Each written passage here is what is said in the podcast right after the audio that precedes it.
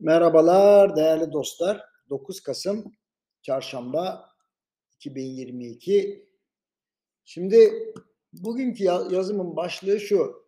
Bana pastayı yedirmeyecek doktor lazım. Şimdi anlatayım.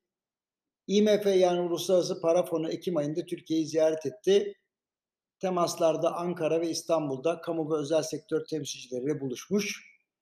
Ben hatırlıyorum önce tim ekonomi danışmanıydım sonra genel sekreteri oldum. 2000-2007 yılları arasında bu heyetleri biz de ağırlardık. Yıllar geçtikçe ve standby düzenlemeleri dönemi sona erince eski ilgi alaka tabii ki kayboldu. Şimdi her ziyaretin ardından mutlaka açıklama yapılırdı. Hatırlarsanız canlı yayın falan olurdu. Bugün sadece yazılı bir açıklama ile geçiştiriliyor. Son ziyaretin ardından IMF Türkiye'ye yönelik 2022 yılı dördüncü madde konsültasyonunu tamamlamış ve bir açıklama yapmış. Yazılı bir açıklama ama oldukça ciddi uyarılar içeriyor. Mesela kur korumalı mevduat uygulamasına ciddi bir eleştiri yapılmış. Enflasyonla mücadele için sıkı maliye politikası gerekirken uygulanmadığı söylenmiş. Kur korumalı mevduat yanında bir de makro ihtiyati ve düzenleyici tedbirler adı altında ne koyulduysa onun kaldırılması gerektiğini söylemiş.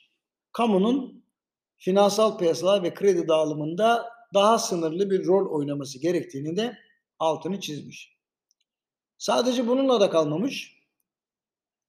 Politika faizinde artış istemiş.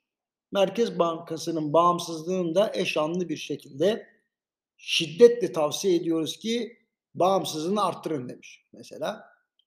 Enflasyonu güçlü şekilde aşağıya çekmeye ve rezervlerin zaman içerisinde yeniden oluşturulmasına bu öneriler katkıda bulunur demişler.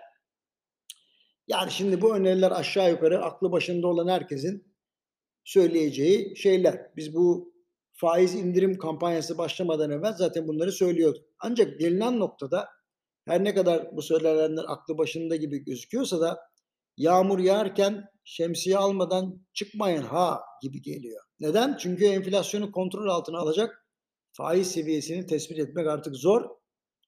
Kur korumalı mevduat uygulamasından vazgeçilmesi de şu aşamada pek mümkün değil. Dolayısıyla içinde yaşadığımız şartların seçimlere kadar değişmesi mümkün olmadığı gibi seçimlerden sonra birçoğunun da devam edeceğini söylesem falcılık olmayacak. Aklıma ne geldi biliyor musunuz? Ee, BIST eski başkanı vardı. O zaman İMKB'ydi. Sayın Osman Birsen. Derdi ki ya bana pastayı yeme diyecek doktor değil. Pastayı yedirmeyecek doktor lazım derdi. Dolayısıyla IMF'nin değerlendirmelerine bakınca Osman Bey'in birçok konuda ne kadar haklı olduğunu tekrar hissettim, gördüm desem yanlış olmaz efendim. Hepinize yarın buluşmak üzere.